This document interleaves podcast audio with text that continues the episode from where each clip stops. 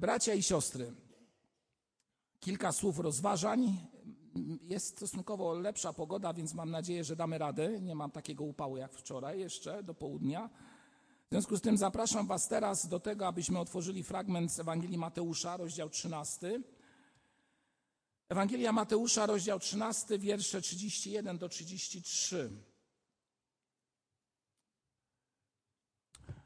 Czytamy tam takie słowo. Inne podobieństwo podał im, mówiąc: Podobne jest królestwo niebios do ziarnka gorczycznego, e, które wziąwszy człowiek zasiał na roli swojej.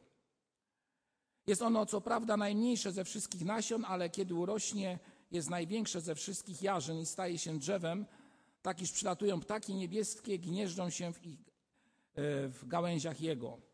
Inne podobieństwo powiedział im, podobne jest królestwo niebios do kwasu, który wzięła niewiasta i rozczniła w trzech miarach mąki, aż się wszystko zakwasiło. Myślę, że dobrze znamy e, tą relację Chrystusa mówiącą o Królestwie Niebios. Jest ona taka bardzo obrazowa i pokazuje właśnie, czym jest Królestwo Boże w rozumieniu, e, rozumieniu Bożym.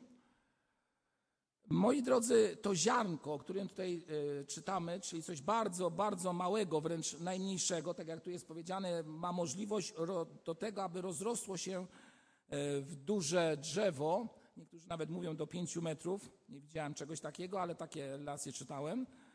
I bardzo często jest takie porównanie mówiące właśnie o tym, e, w nawiązaniu do Królestwa Niebios, że właśnie to ziarnko to symbolizuje coś, co z małego, co w historii Kościoła było czymś bardzo małym, jeśli chodzi o e, początkową naukę apostołów, e, początkową naukę naszego Pana Jezusa Chrystusa. Przecież doskonale wiemy, że Jezus, gdy odchodził do Ojca w niebie, pozostawił po sobie de facto ile osób?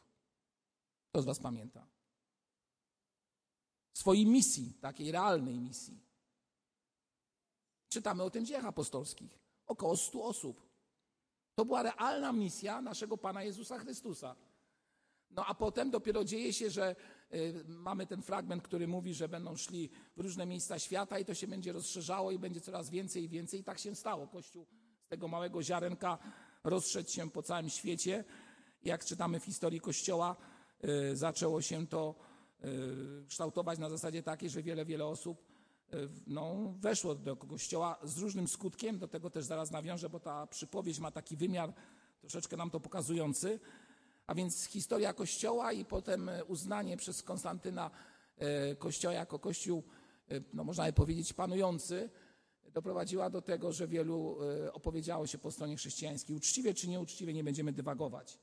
Faktem jest, że czytamy tutaj o tym, że to ziarno, które się w jakiś sposób rozwinęło i stało się błogosławieństwem, wprawdzie będąc najmniejsze, stało się czymś największym i czytamy, że czymś większym i czytamy, że e, gnieżdżą się w tych gałęziach ptaki niebieskie. To też bardzo ciekawa historia. To potraktujcie to, co teraz mówię, jako wstęp do tych rozważań. A więc e, można e, założyć, czytając fragmenty wcześniejsze z Ewangelii Mateusza, że te ptaki niebieskie to takie wcale one nie są niebieskie do końca, moi drodzy.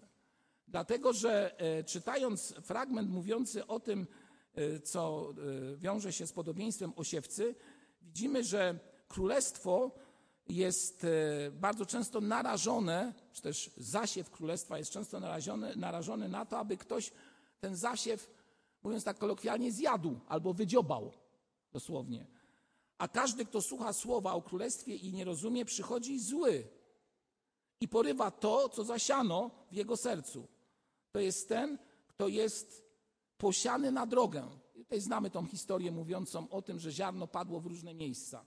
Gdyby spojrzeć dokładnie na ten fragment, y, autorzy tłumaczenia nie powiedzieli, że ci, którzy zabierają to słowo, y, to są właśnie y, no, osoby inspirowane przez diabła, ale dokładne tłumaczenie mówi, że ptaki przychodzą i zabierają to ziarno albo zjadają to ziarno.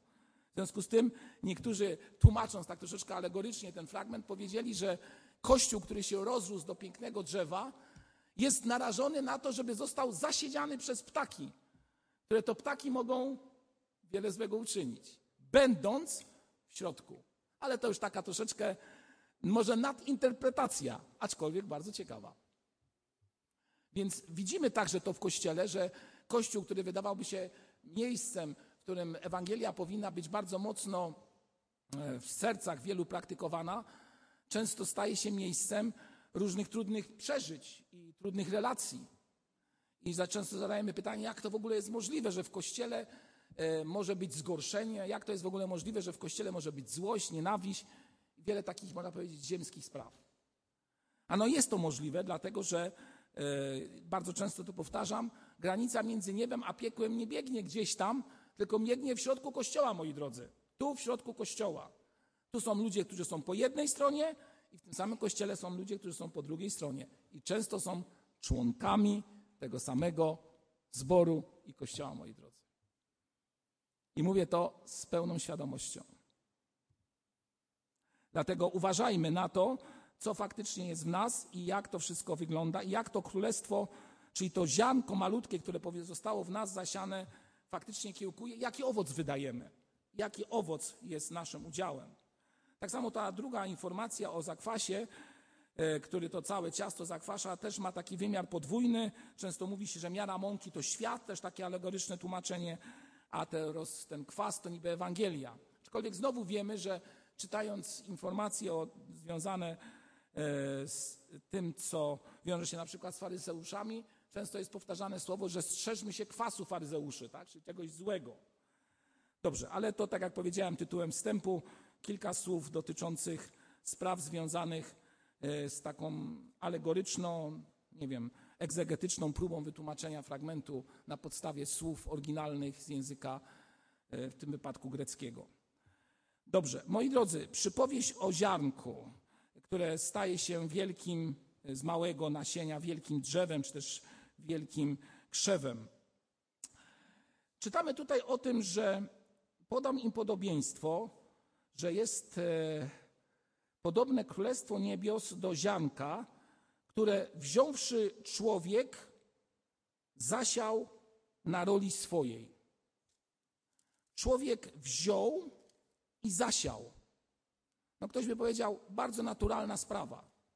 Jeżeli chcemy coś osiągnąć, e, mieć jakiś owoc, wcześniej musi nastąpić czas, w którym siejemy. Ci, którzy mają działkę lub cokolwiek z tym e, związane, to wiedzą, jak to wygląda. Zresztą myślę, że każdy z nas ma jakieś pojęcie na ten temat. Ale moi drodzy, czytając ten fragment, mówiący o tym, że e, to ziarno zostało zabrane, ktoś musiał je wziąć, aby zasiać, właściwie dokładne tłumaczenie mogłoby, dokładne tłumaczenie mogłoby brzmieć troszeczkę inaczej. Mogłoby, bo nie jest to pierwsze tłumaczenie, ale jedno z, myślę, że z ciekawych informacji, które też może nam dać szerszy obraz tej przypowieści.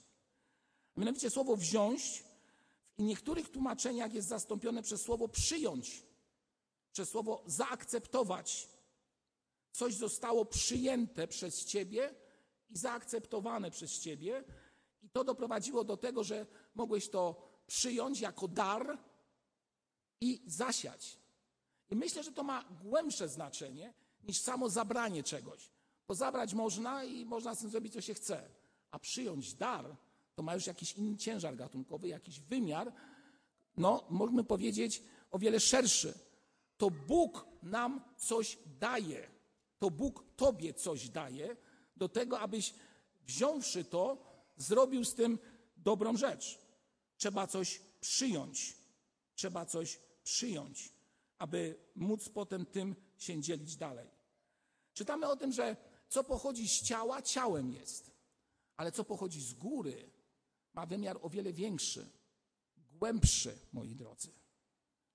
Dlatego tak istotne jest w tym, w tym fragmencie między innymi to, aby przyjąć właśnie od Boga coś bardzo małego, prawie że niewidocznego, ulotnego byśmy powiedzieli, i często dla dzisiejszego świata głupiego.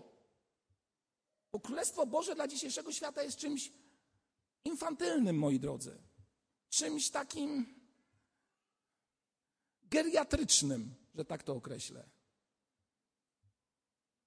Młodzi to jakoś tak przyjmują Królestwo Niebios. Może jest coś małego, No dzisiaj, dziś mówimy o tym, że jeżeli coś ma mieć jakąś wartość, to musi być oparte na solidnym fundamencie. Musi być poparte odpowiednim przygotowaniem, czy to naukowym, czy jakimś innym.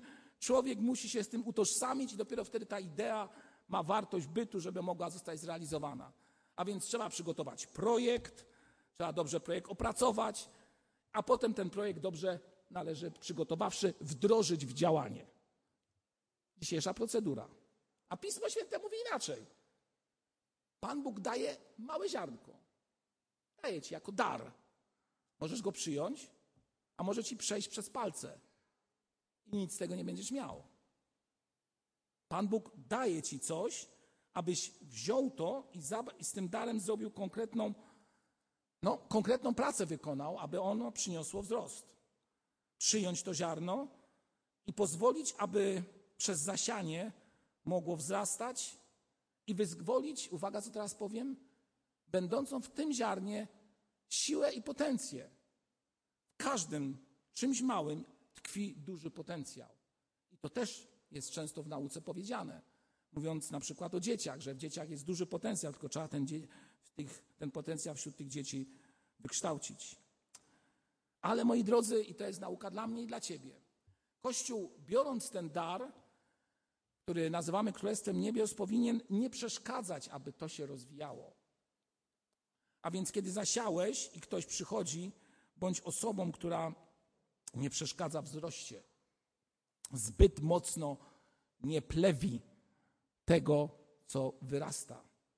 Znacie tą przypowieść o tych, którzy zasiali dobre ziarno, a potem wieczorem przyszli źli i zasali, zasiadzi, no, zasiali to, co przyniosło chwast i zniszczenie. I nagle, wbrew wszelkim zasadom pielęgnacji ogrodu, czytamy informację od Pana, który jest w niebie i mówi, że co? Jedno i drugie ma rosnąć razem obok siebie. Nielogiczne, ale taki jest Bóg. Taki jest Kościół, moi drodzy. Uwaga, taki jest Kościół.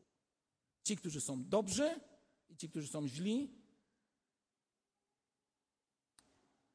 aż boję się powiedzieć, że powinni być obok siebie, bo nie chcę tego powiedzieć. Razem może czasami będą chodzili koło siebie.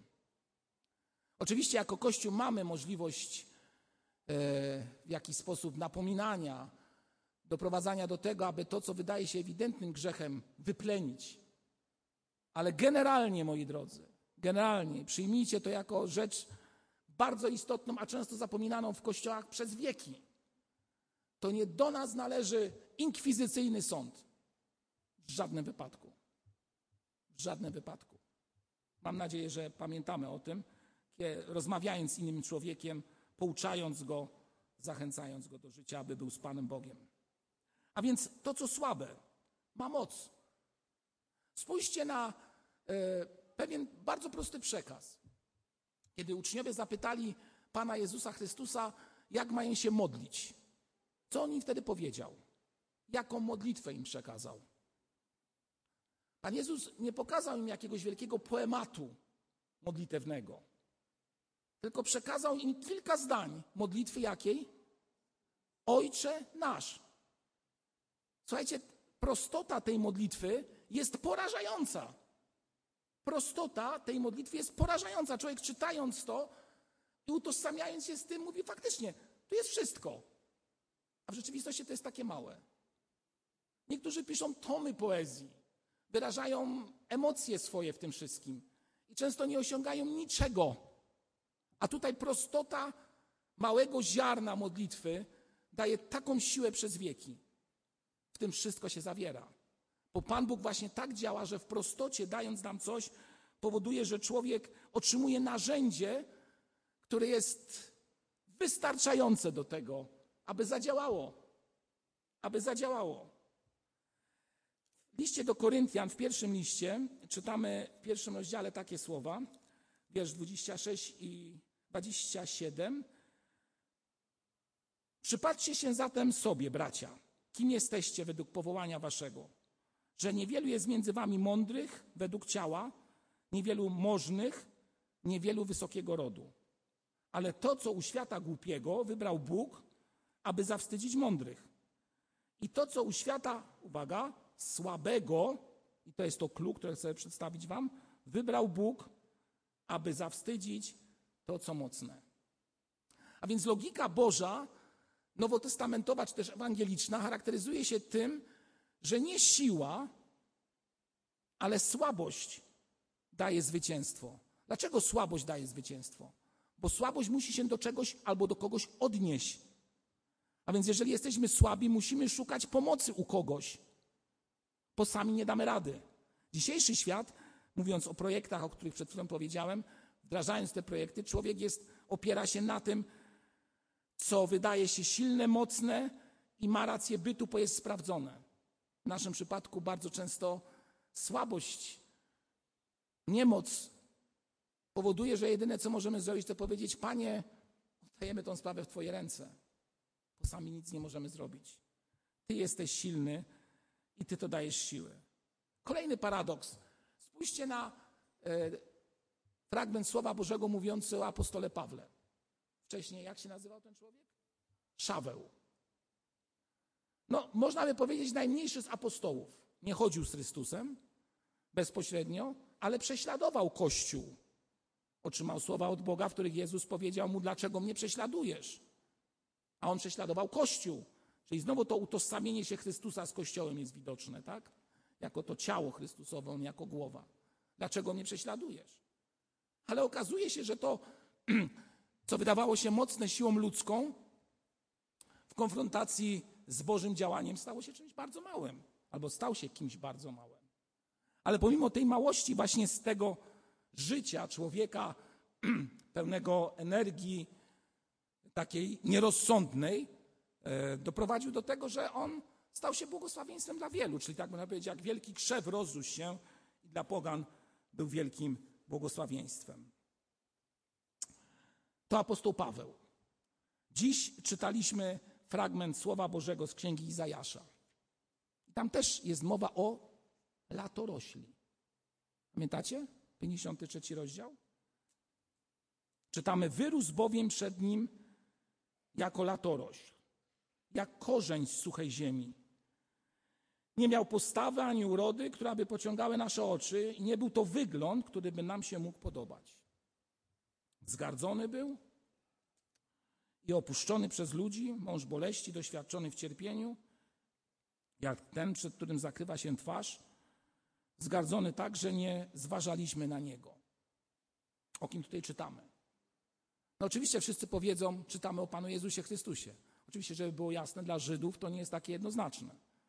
Ale y, też uważają, że chodzi tutaj o mesjańską sprawę.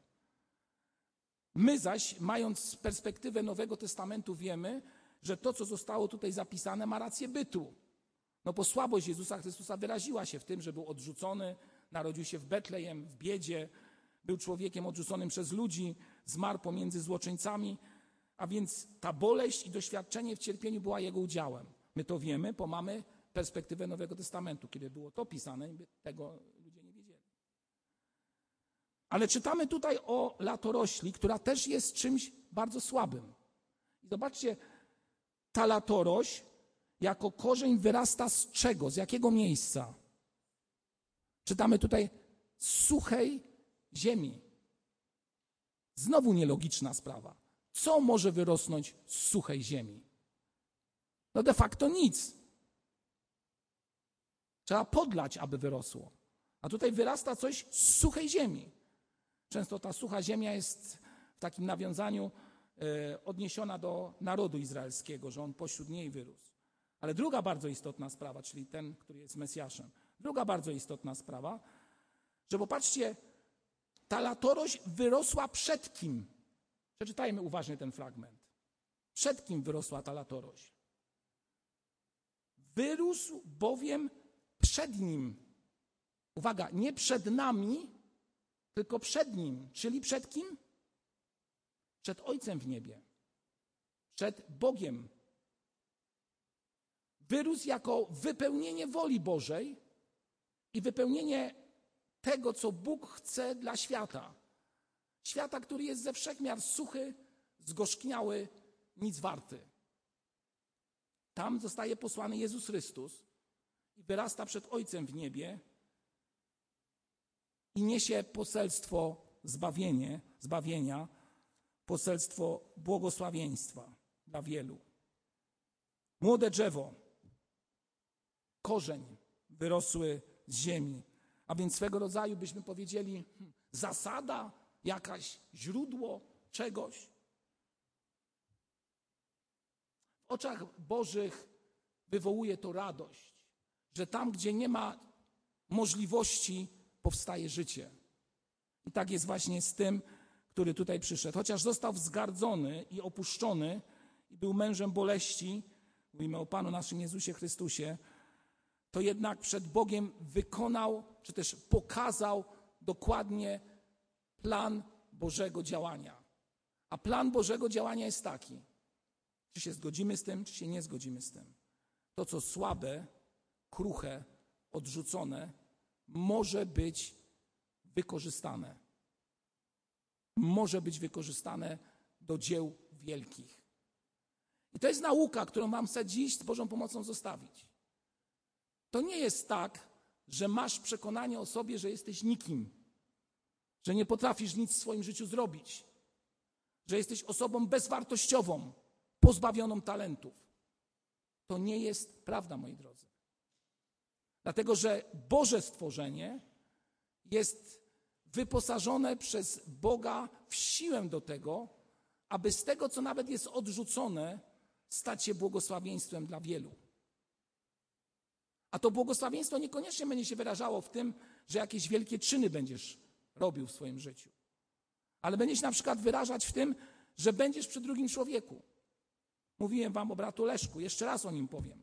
Moi drodzy, to co usłyszałem w świadectwie od ludzi z tego domu pomocy społecznej, gdzie on pracował jako nauczyciel, było jednym prostym zdaniem.